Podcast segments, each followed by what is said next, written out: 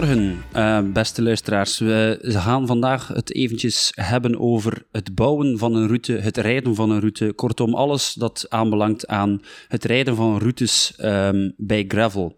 Niels, uh, Peter, we hebben hier een expert aan tafel. We zijn mee aangeschoven met niemand minder dan de parcoursbouwer. parcoursbouwer excuseer. Dag Nick, goedemorgen. Goedemorgen, hallo. Uh, Nick, uh, je vertelde ons pas dat je gisteren tijdens het verkennen van een route een uh, tuimelperte hebt gezet of dat je tegen een paaltje bent gereden. Ik hoop dat alles oké okay is momenteel. Niet alles is oké. Okay. mijn schouder doet wat pijn. Ik kan nog een kwartslag maken naar links met mijn nek, maar een halve draai is, is moeilijk. Dus toch een klein beetje in de lappenmand vandaag. We gaan proberen om het volledig naar rechts te oriënteren. En je ziet wat een parcoursbouwer leiden kan. Hè? Het is een risicoberoep. uh, goed, uh, Nick, we hebben jou uitgenodigd um, om ja, wat meer info te geven over ja, wat jij zelf doet en ook uh, ja, om onze luisteraars een beetje te informeren over wat ze moeten doen, welke do- en don'ts in het bouwen en het rijden van routes. Kun je eens omschrijven wie dat je juist bent, kort, en, en, en wat je juist doet? misschien is dat wel een grote, grote vraag, maar ja, zeg maar. Oké, ik, uh, ik maak routes de laatste tijd vooral gravel. Um, voor Count Me In, voor evenementen. Um, veel gravel-evenementen die we organiseren. Um, en ik doe dat ook voor uh, ons parcoursplatform, de Parcoursbouwer, waar dan mensen eigenlijk een route kunnen downloaden op de dag dat ze willen. Uh, kunnen ze die dan gaan fietsen. En dus verspreid over het ganse land en omgeving van België heb ik nu een aantal routes zo gemaakt.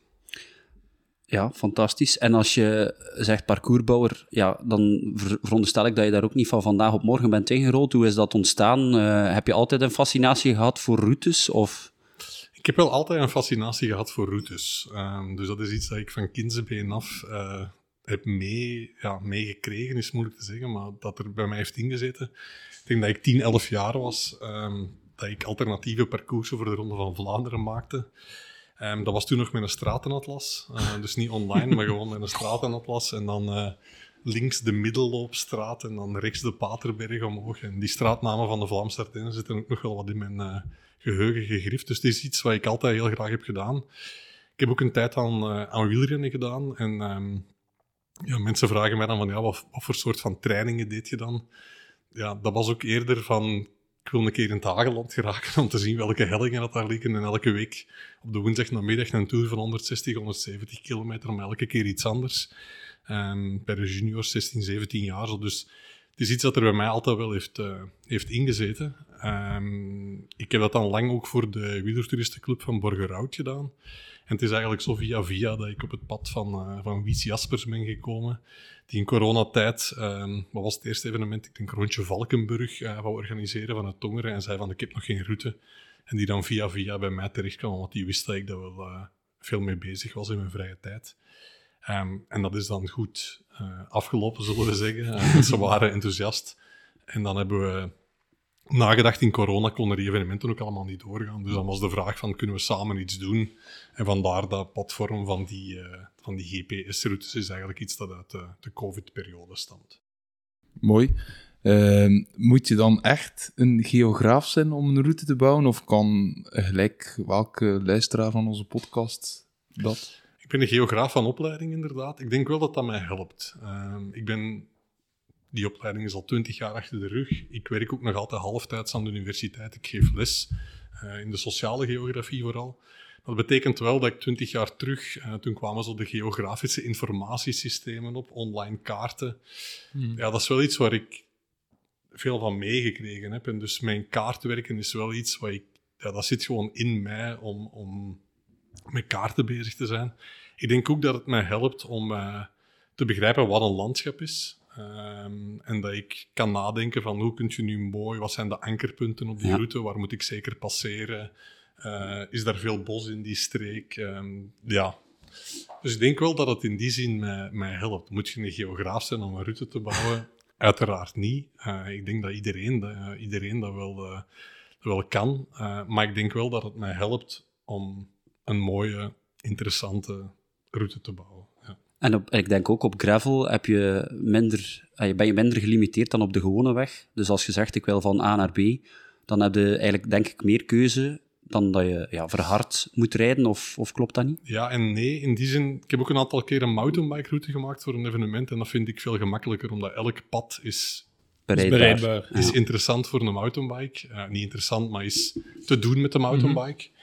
Terwijl voor gravel zit je toch altijd te zoeken van, kan dit nog, is dit niet te technisch? Eh, Ja, ja, is- want- ja, dus het is in die zin, vind ik het het moeilijkste. Ja. Ja. Ehm, Hij probeert ook altijd een soort van flow in te krijgen. eh, heb ik ergens gelezen ook. hè. Ik doe mijn best, ja. Nee, dat maar, betekent dat dat, is- je niet te lang verhardt, dat je dan Ja. graag nog een klein stukje meepakt. ehm, dat je af en toe wel een stuk verhard krijgt. ehm, dat je van bos in de wei komt, terug in bos, terug in wei. En dat je daar een soort van afwisseling zoekt. ehm, ja.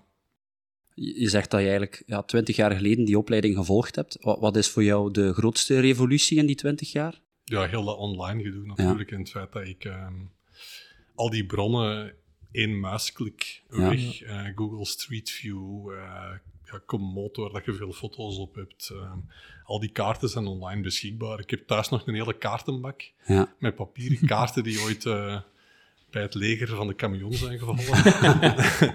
Ehm, en ik neem die ook nog graag Die gebruikte nog, ja. Ik neem die graag mee omdat het handig is om notas te maken onderweg. ehm. Ik heb ook zo foto's gezien inderdaad, dat ergens even van de fiets zit en eh, bezig bent met allee, Ja. tekenen of aantekenen. Het is vooral om notas te maken, Ja. niet, niet zozeer om... Maar ook wel dat ik gemakkelijk kan zien van... eh, moest ik nu... ah, dat ziet er een mooi pad uit als ik daarin sla, waar zou ik dan op uitkomen? Mhm. of zo. Dus dat, Ja. ja. dat vind ik wel, wel handig soms om, om te doen. Maar ja, als ik twintig jaar terug ging fietsen, een GPS bestond nog niet, was dat met vier papieren kaarten in mijn achterzak, waarvan er dan één wegwaaide, waarvan het als het begon te regenen, dan kon ik eh, amper nog iets zien. Dus ja, dat is natuurlijk de grootste omwenteling in, in heel dat gedoe. En ook het feit dat we ondertussen met velen zijn die met een GPS rondrijden, ehm, dat is natuurlijk ook een hele omwenteling in die zin dat vroeger dat idee van maak een route Ja. en iemand gaat dat fietsen, ja, dat bestond gewoon niet. Je Nee, kon evenementen ja. organiseren en pijltjes hangen, maar mensen konden niet met de GPS op pad gaan. Ja. Dus ja, in die zin is dat fietsen wel fundamenteel veranderd. Tuurlijk. En je verliest ook wel soms de charme van het met op kaart rijden. Hè. Nu is het gewoon je route dat je Volgen. volgt op de GPS. En Ja, dat had een zekere charme. Ehm, ik ben ook wel een, eh, een fan van eh, een keer zonder de GPS op pad te gaan en Ja. te zien waar ik uitkom. Of zo. Dus dat, dat geeft mij een- ook een enorm gevoel van vrijheid in plaats van altijd met dat schermpje bezig Mhm, zijn. ja. En dus het is een beetje tegen mijn eigen winkel, maar op zich vind ik het ook wel fijn om, eh, om zonder GPS op pad te gaan en een keer een pad in te slaan dat ik niet ken. Ehm, Ik denk dat we nu een klein beetje bezig zijn, maar dat het al heel meteen, allee, of dat het al snel duidelijk is dat dat voor u echt ook een passie is en dat je dat met hart en ziel doet. Doet het dan ook niet pijn als veel van die routes dan eigenlijk gewoon, eh, ja, hoe moet ik het zeggen, gepikt worden of gewoon eh, op GPX eh, ergens op een, op een unit gezet worden en gereden worden zonder dat daar een of andere erkenning op welke manier daarvoor is? Ik weet niet, hoe sta je daar tegenover? ik vind het wel jammer als mensen gewoon een route posten en inderdaad zonder verwijzing. zo, Ja. dat- Ja. ja, dat, dat kan eigenlijk niet. Dat is mijn... Net zoals als ik een, een stuk schrijf, iemand mag dat ook niet kopiëren Mm, ja. en daar zijn naam onder, of haar naam onder plakken. Ehm, natuurlijk proberen we ook... Dus inderdaad, die GPX'en die, die verspreiden zich soms. Maar we proberen altijd wel een meerwaarde te geven door... ehm, ik pas die routes aan. Sonjewoud bijvoorbeeld, Luchtlucht Sonjewoud, heb ik van de week voor de vijfde keer aangepast, Ja. denk ik. Dan sturen we een update rond. Dus als mensen die route opnieuw willen gaan fietsen, kunnen ze altijd met de nieuwste route op pad. En dan altijd natuurlijk- updates eigenlijk, altijd. ja, eh, iedereen die ooit een route bij ons Ja. aankoopt, krijgt een, eh, krijgt een update. En dat is dan natuurlijk wel jammer om te zien dat mensen een oude GPX vinden, daarmee op pad gaan en dan bijvoorbeeld door een stuk bos gaan dat eh, afgesloten is, waar dat je eigenlijk niet meer mocht Dat niet meer fietsen. mag. Ja, Waar dat je een boete kunt krijgen van Mhm. een boswachter. Of, ja. Dus dat is, eh, dat is natuurlijk wel. eh, Moet je de wel keerzijde jammer, ja. ook. ja. Dus op de website van, van de parcoursbouwer eigenlijk kun je dus een aantal... Is dat met, hoe werkt dat juist? Is het een abonnement of moet je per route betalen? Hoe, hoeveel kost het ongeveer? Ja, mensen betalen 10 euro om een route te downloaden en krijgen dan levenslang die, eh, die updates toegestuurd. Ja. Ehm, dat is het concept. Ja. Eh, abonnementen of zo hebben we nog niet. Eh, Ja, het zou kunnen zijn dat je ja, een soort van... Voor eh, alle routes bijvoorbeeld. ja. Bedoel ja. Het is natuurlijk eh, het is een moeilijke evenwichtsoefening, hè, want eh, eh, de, de doorsnee fietser zal zeggen van, ja, waar moet ik daarvoor betalen? En kan ik dat op apps als Strava bijvoorbeeld. Ik rijd een route en, en je volgt die persoon, hup, een klik Ja. op, de, op de knop en je hebt die, die GPX. Dus het is altijd wel een, een, een schemerzone, denk ik. Het is natuurlijk pionierswerk in die zin dat mensen absoluut niet gewoon zijn om te betalen voor een, een GPX. Maar ja, we proberen wel, en we zien dat we wel genoeg mensen enthousiast krijgen om dat te doen. En het is natuurlijk wel fijn als je naar de Opaalkust rijdt om te gaan gravelen. En je moet daar voor drie uur in een auto zitten, dat je weet van Ja. die route van de parcoursbouwer. Het zal goed dat, zijn. dat zal goed zijn. Ja, en ga ik niet blok staan, want iedereen heeft dat Nee, al meegemaakt van ja, dat is gebeurd of dat is gebeurd. Dus dat is wel de garantie die wij bieden van je hebt een fantastische dag als je één keer 10 euro betaalt. En ja, als je met twee op pad gaat, hoeft je natuurlijk ook niet alle twee die, die route te downloaden. Dus Dat is waar. Ehm Niek, als je nu een nieuwe route bouwt, kun je misschien een keer zeggen hoe dat je te werk gaat, een beetje stap voor stap? Of wa- wat zijn de, de dingen die je doorloopt? Op welke manier werk je? ik denk dat ik eerst heel veel uren thuis achter de computer zit. Ehm, alle mogelijke bronnen die ik, eh, die ik kan vinden. Ehm, ik doe heel veel met de topografische kaart. Ik denk dat dat een onderschatte bron is. Ehm, ik weet niet of dat jullie van die... eh, Dus die lijntjes, hoe dichter dat ze bij Ja. elkaar staan, hoe, hoe, hoe meer hoogtemeters. ja, de hoogtemeters Ja. bijvoorbeeld, dat vind ik een enorme meerwaarde. Dat kun je Ja. op die topografische kaart Ja, goed uw zien. maar voorkennis ook- komt er wel van pas Hm? natuurlijk. Dan. Uw voorkennis eh, komt er goed van pas om, om kaarten te kunnen lezen ook. Hè. Ja. En in mijn eigen geval is dat al veel minder en staat er minder bij stil. Maar, ja. Maar ook bijvoorbeeld alle gravelwegen staan daarop. Eh, dat is een bepaalde soort van de legende, waar Ja. je dan kunt zien van dat is echt een brede, een Ja. brede gravelweg, goede gravel. Ehm, verhard, onverhard. Ja, de, de, er staat enorm veel, veel op, eh, wat dat ook niet altijd op, eh, op al die andere tools die we gebruiken staat. Ehm, dat is heel consistent. Dat is niet door gebruikers toegevoegd. Er is één manier waarop die kaart gemaakt is. Die Ja. legende die klopt. Eh, of dat je nu in eh, provincie Luxemburg gaat fietsen of eh, aan Swin. Die kaart, Ja. die Ja. legende is hetzelfde. Is dat iets bij- openbaar? Of Hm? is dat iets openbaar? Ja, dus topomapviewer.ngi.be kunt je heel die kaart... eh, Ja. We zullen het misschien in de show notes zetten. Dat woordje was ik daarnet aan het zoeken. Ehm, dus dat is een bron die ik gebruik, maar ook ja, Komoot. ehm, de, de, vooral de foto's die gebruikers hebben toegevoegd, eh, vind ik super handig. Dat je kan zien van, dat zijn dikwijls plekken waar de, de Street View auto niet geraakt. Mhm. Ja, Ehm, dus ja, dat, dat is wel handig om van tevoren al een beeld te hebben van hoe dan een weg eruit ziet. Maar dan, ja, nog dikwijls als je dan gaat verkennen, dan zie je toch dat dat afhankelijk van het seizoen en wanneer Ja, dat je daar ja. komt, dat dat er toch weer helemaal anders uitziet. Ehm Gravel Map gebruik ik ook wel. Dat is ook hetzelfde. Van veel mensen hebben daar ehm, ook, ook foto's op toegevoegd. Dat is ook wel handig en hebben de, de mooiste segmenten in een, in een streek eh dikwijls aangevinkt. Maar ook daar, ja, dat is dan weer veel minder consistent, vind ik, dan zo die topografische kaart. Omdat je Ja. dan merkt van mensen duiden een gravelweg aan, maar eigenlijk weet je van, ja, dat is hier helemaal geen gravelweg, of dat is... ja. Dus ja, in die zin ben ik een fan van die topografische kaarten. En dan daaraan toegevoegd eh, Google Street View, ehm, Gravel Map, eh Komoot, ehm, ook tragewegen.be. ehm, ook daar heb je heel veel foto's van wegen. Dus alles wat je kan vinden eh, in zo'n streek. en dan ga ik heel veel dagen ter plaatse verkennen, ehm, om dan echt het eh, allermooiste van zo'n streek in een, eh, in een route te kunnen steken. En daarvoor bouw je dan eerst een, een soort route digitaal. Dus je hebt al die info verzameld en dan bouw je ergens. Of ja, veronderstel je ook een, een, een route uittekent dan? Dat- Doe je dat dan online, veronderstel ik? Of allee, ik bedoel met een eh, digitale tool? Ja, ik gebruik brouter.de om een routes te tekenen. Ja. Ehm, meestal gewoon de, als algoritme de kortste weg. Ja. Ehm, dus niet, het is niet dat ik een gravel-algoritme gebruik. Of, eh, Er bestaat eigenlijk geen, een, geen een truc. Hè. Er, Ja. De belangrijkste truc Is, voor mijn routes is dat ik daar enorm veel tijd in steek. Dus Ja. zowel van tevoren als dan eh, die verkenningen. Ja. Ik ben, ben onlangs eh, zeven dagen naar een borinage gegaan om plug-plug borinage te maken, een gravelroute in de borinage. En dat zijn dan echt verkenningen. Dat is niet dat ik een route volg. Ik, Ja. ik maak een route van tevoren, maar ik ga naar daar. En dan is dat, ja, als ik zie van, oei, dat is hier precies toch een leuk pad hè, dat ik van tevoren niet had gezien, dan sla ik dat in. Als ik dan zie van, oei, dat is hier veel te modderig om, eh, om goed te zijn, dan draai ik terug. Ik probeer een alternatief te vinden. Dus ja, mensen die me Stra-. Strava volgen, gaan Ja. ook zien dat ik ja, eigenlijk een beetje kriskras door zo'n streek rijd en dan inderdaad met die papieren kaart aanduid. Dat is een... eh, een lachend gezichtje. Ja. Dat is hier een, goede weg, of dat is hier een, eh, een groot kruis over op mijn kaart, van hier mag ik zeker niet komen. En het is dan, ja, dan komt er een op puzzelwerk aan te pas om dan Alles aan elkaar te alles aan elkaar Ja. te breien. Ja. Ja, het is eigenlijk een soort van testroute die je dan echt ter plaatse nog gaat aanvullen en, en fine-tunen. Meestal als ik een route op de website zet, heb ik die nooit gefietst. Ehm, dus het is echt gewoon een puzzel van Ja. Ja. de leuke De stukken. Ik ben overal geweest, ehm, maar niet, ik heb het nooit op die manier gefietst. Mhm. Ehm, soms doe ik dat wel, omdat je, daarnet hadden we het over die flow, dat is iets dat je voelt als je fietst en dat je Mhm. merkt van oei, dat is hier echt wel lang asfalt, of ja, dat landschap dat is heel een tijd hetzelfde. Ehm, ja, dan, dan, dan, dat is iets dat je voelt als je aan het fietsen bent.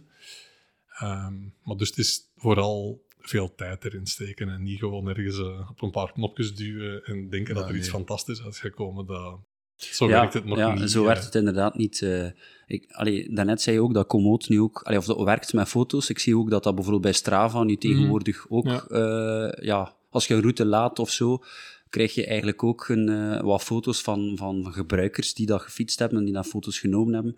Dus dat is waarschijnlijk ook iets die ze gepikt hebben van, van Komoot. Eh, nu, ehm, als je zelf een route wil bouwen als ja, minder onderlegde eh, routebouwer zoals u, ehm, wat zou je dan aanraden om te gebruiken? Eh, of, of is dat iets dat je zegt van, ja, eigenlijk als je het goed wilt doen, moet je het doen op mijn manier? Of, of hoe sta je daar tegenover? Ja, nee, ik kan snappen dat niet iedereen eh, op die manier te werk kan gaan. hè. Als Ja, je een keer wilt gaan fietsen, gaat Ja. niet zeven dagen verkennen. en Je gaat, je gaat niet drie dagen achter je computer zitten. Dus ehm, ja, ik denk dat, dat veel van die tools wel super gebruiksvriendelijk zijn en u zeker toelaten om een mooie route te maken. Ja. Ehm, maar het jammer is bijvoorbeeld dat als het gaat om toegankelijkheid, wat is legaal om te fietsen, wat is illegaal, Ja. dat er nog altijd geen enkele zoeken, tool ja. is die mij vertelt waar ik mag komen en waar Mhm. niet. Ja. Ehm, en dus dat is, ja, dat blijft wel een moeilijke, vind ik, in die zin. Als je offroad gaat, ehm, en je tekent in Komoot een route of je tekent in Strava een route,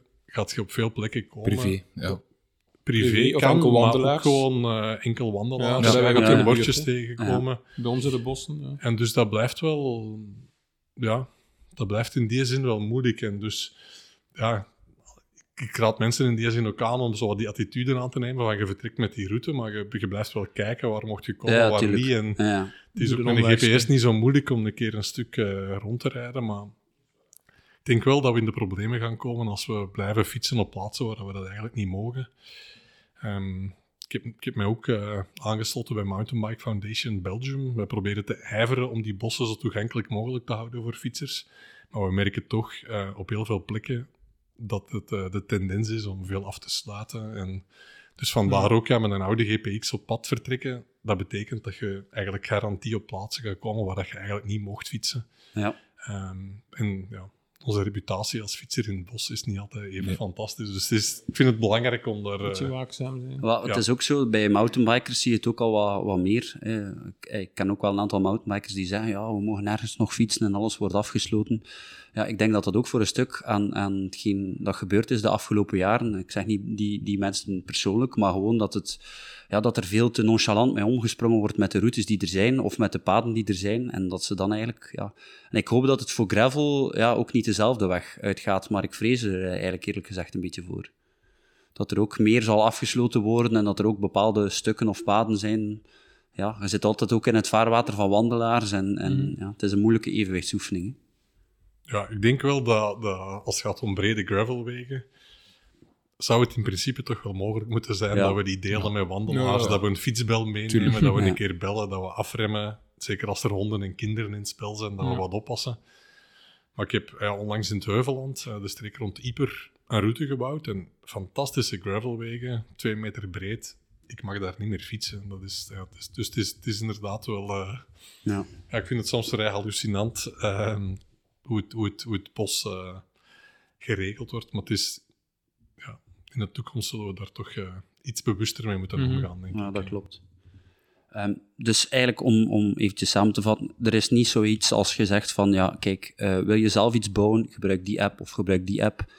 Ik veronderstel dat iedere app zijn eigen voor- en nadelen heeft, of, of, of is er toch iets die je zegt van, ja, eh, bijvoorbeeld Komoot zijn er ook betalende eh, versies van. Eh, Strava idem. Ik denk dat je Strava alleen kunt gebruiken als je Ja, betalend lid Ja. bent om, een- om een route te bouwen.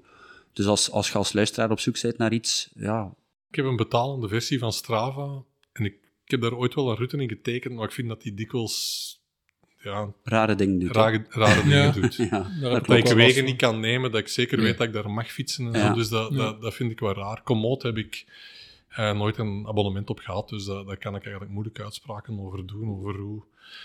Ehm, maar die MB-router, ja, dat is dan ook een, een, een, een tool, maar ik vind dat wel qua klikken en zo, en Ja. qua handigheid, de leesbaarheid van de kaart en zo, vind ik dat wel super. Eh, Ja. Maar ik heb dat ook nooit getest met, als je dan het algoritme neemt voor gravelbiken Ja, ja, of zo, hoe dat, dat, welke, welke Ja, ja. kwaliteit dat, dat, dat, dat oplevert. Maar- Ja. je voegt, eh, hey, jezelf vo- voegt er eigenlijk nog een extra dimensie aan toe door alles nog een keer te gaan triple-checken bij manier van spreken en dan nog aan te passen en dan via kaarten en zo. eh. triple checken, maar ook door al die Ja. bronnen met elkaar te mengen. Ja. Ehm, ja. Dat ook vooral. Ik denk dat je alleen met meerdere bronnen aan het werk moet gaan Ja. om, om echt zoiets Ik denk te dat je ook een fantastisch geheugen moet hebben, man. Allee, als, ik, als ik dan aan mezelf... eh, als ik, ik eh, vertrek zonder route, dan eh, eindig ik altijd langs de vaart. eh, omdat ik weet dat ik dan zeker thuis geraak. Maar ik, ik sta er ook altijd van versteld. Ik veronderstel dat je ook zo iemand bent... ehm, die zeggen van, ja, kijk, zet mij hier ergens uit in een straatje en eh, ik weet exact waar dat ik ben. Eh, ik zeg nu niet eh, als we u ergens in Zuid-Frankrijk afzetten, maar bijvoorbeeld hier in de regio. we nemen nu straks geblinddoekt mee en we zetten nu ergens aan een pad af, dat je wel ongeveer weet waar dat je bent. En ik sta er altijd van versteld dat er sommige mensen zo, ja, op dat vlak een, een Geheugen, gigantisch geheugen hebben. Eh, ik ben er echt jaloers van Ik, heb eigenlijk. wel, ik heb wel een visueel geheugen. Het Ja. rare is, ik, ik ben iemand zonder, eh, zonder rijbewijs. Dus als ik mensen mij dan een keer meenemen met een auto, al die steenwegen en zo in Vlaanderen, daar ben ik nooit niet geweest. Dus ik weet nooit met een auto hoe dat je van A naar B Ja. rijdt, maar hoe dat je Met tussendoor in Vlaanderen van het een dorp naar het ander fietst, dat, ja, dat kan ik ongeveer wel vertellen. Dat is ook een beetje de downside eigenlijk van allee, rijden met routes dat om duur zelf minder Ja, opneemt. En, En dat eigenlijk volgt. Heel veel mensen Dat zijn ik gewoon zelf spoor. ook. Ja, maar dat- eh, dat- spoor, hè. Ervaar ik zelf ook. Dat je om duur niet mee bezig bent van hoe rijd ik van daar naar daar en dat de gewoon maar volgt. Dat is dat een beetje, ja. Welk eh, toestel gebruik je zelf op de fiets? Een Garmin, Wahoo of iets anders? Een Garmin. Garmin.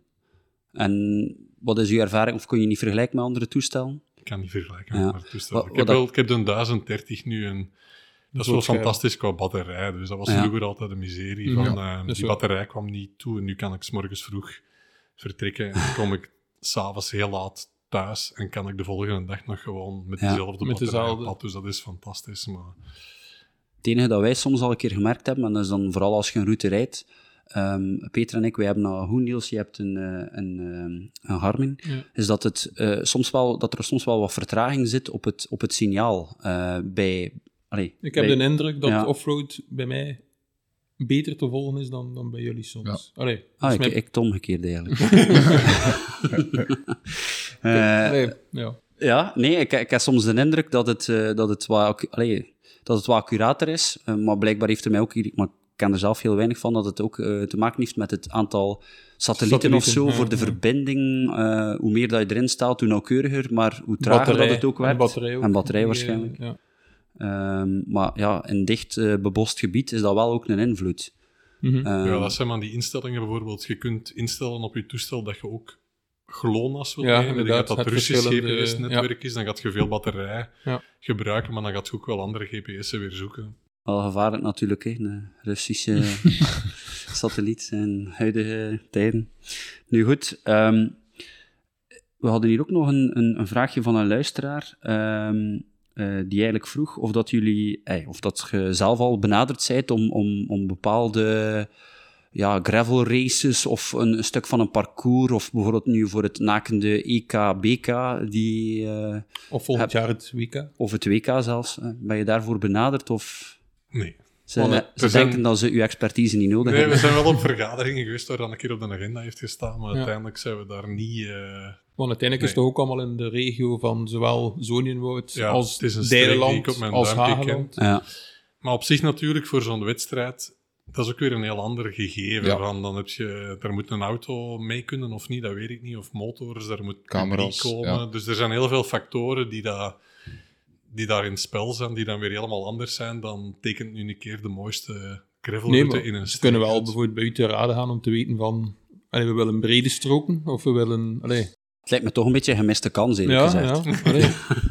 Als de mensen van Golad zo meeluisteren. Oh, zeker, dat doen ze zeker. zullen ze taggen. Ja, ja nee, het, het is natuurlijk ehm, ja, tegenwoordig, ik weet niet hoe dat je daar zelf tegenover staat, dat het racen nu toch wel eh, meer en meer, ik ga niet zeggen de bovenhand, maar dat het toch ook wel zijn plaats begint te vinden in Hans het gebeuren. Ik denk dat er gewoon verschillende types fietsers bestaan. Mhm. En ehm, je hebt mensen die daar superveel met de fiets bezig zijn en die daar meer uren poetsen dan, eh, dan dat ze erop zitten. Ja. Ehm, en die ook het nieuwste van het nieuwste materiaal willen hebben en zo. Je hebt fietsers die daar super hard bezig zijn met het landschap en Ja. de, de omgeving. en dat ben ik. ja. Ik stop om een foto te maken en ik stop om een pancart te lezen die onderweg staat. Ik wil snappen waar ik ben. Maar je hebt ook fietsers die gewoon snel willen zijn. En er werd altijd gedaan alsof dat gravelen per definitie de fietser moest zijn die dat zo Ja. het landschap en Ja. rustig op het gemakske, maar uiteraard, net zoals dat je op de koersfiets verschillende types koersfietsers hebt, heb je nu ook verschillende types gravelaars en daar is ook niks mis mee, denk ik. Ehm, persoonlijk, ja, ik heb vroeger gekoerst, maar voor mij hoeft dat nu niet meer. Ik merk dat mijn competitiegeest wat aan het uitloven is. Ehm, en ik ben daar heel blij op. Het deugd om een keer eh, niet per se eerst boven te hoeven zijn. Of, Ehm, nee, dus dat- ja. Maar ik denk op zich is dat een logische tendens. Ehm, Maar ik denk dat er ook vooral, ja, wij zijn er zelf ook een beetje het voorbeeld van, dat er vooral ook heel veel eh, ja, coureurs, om het zo te zeggen, een beetje de weg beginnen te vinden naar het offroad gebeuren. En dat dat wel een tendens is die, ja, eh, er valt toch zeker iets over te zeggen, want eh, we hebben het er ook in de vorige po- podcast al over gehad. We merken toch ook wel dat de sfeer en, en de, de beleving wel iets anders wordt. eh, allee, zeker op zo'n race-events, eh, bevoorrading, en eh, ze staan overal met wielen. En, en ja, dus het, allee, Het is serieus, hè. Ehm, het wordt, het wordt, ja, ik vind het een beetje raar eigenlijk, eerlijk gezegd. Eh, allee, we, zijn dat zelf, we, allee, we vinden het zelf ook leuk om te racen en om, om, om, om wedstrijden te doen, maar toch, ja, wringt het ergens. Ik weet niet. Ja, je ziet ook eh, de gerenommeerde gravel racers uit Nederland, die ook niet altijd eh, het eens zijn met het gebeuren van WK, BK, Ja, eh, je zit EK. ook met het lussensysteem. Ja. Ehm, allee, een, een andere ploegmaat van ons zei ook van ja, voor mij is dat geen meerwaarde om zes lusjes te rijden rond Aachen. Als ik, eh, bijvoorbeeld, vooral als ik vroeger naar Gran Fondo reed, was dat van A naar B een hele mooie route. Dat was voor mij ook de beleving.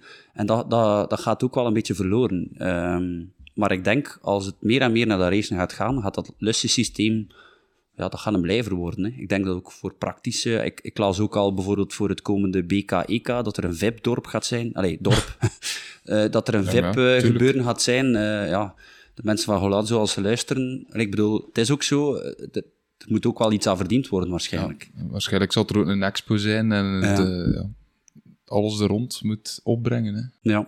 Jongens, hebben jullie nog vragen voor Nick? Nee, ik denk dat het een hele leuke ehm, podcast was. Ja, het is ook... Allee, eh, ik had het ook wel Ja. een beetje verwacht, maar het is ook wel echt, als je ziet eh, ja, hoeveel werk en passie Ja. en liefde dat je steekt in die routes. eh, dus mensen, alsjeblieft, eh, als je een perfecte, uitgebouwde route eens wil rijden, eh 10 euro. eh, eh, Eén adres. ja, eh, zoals gezegd, de- ze, ko- ze betalen een paar duizend euro voor een fiets, maar 10 euro voor een route. Ja, ik zal ze dat wel zelf downloaden. Eh, dus ehm, ja, eh, in ieder geval eh, bedankt Nick voor deze toelichting over routes. Eh, ik denk dat we zeker en vast ook zelf nog, we gaan dat zo meteen ook al aan de lijve mogen ondervinden, want we gaan nog een stukje van jullie eh, rit van zondag hè, in de voorkampen gaan verkennen. En ik denk dat we al meteen kunnen genieten van uw eh, prachtige route die ze al We gebouwd zijn aan het watertanden. hè. Ja, het is prachtig weer en ehm, het is misschien van die rijstaart die hier staat in nieuws. Goed, dus eh Nick, bedankt voor deze eh, podcast. Jullie zijn bedankt. Ja, tot ziens.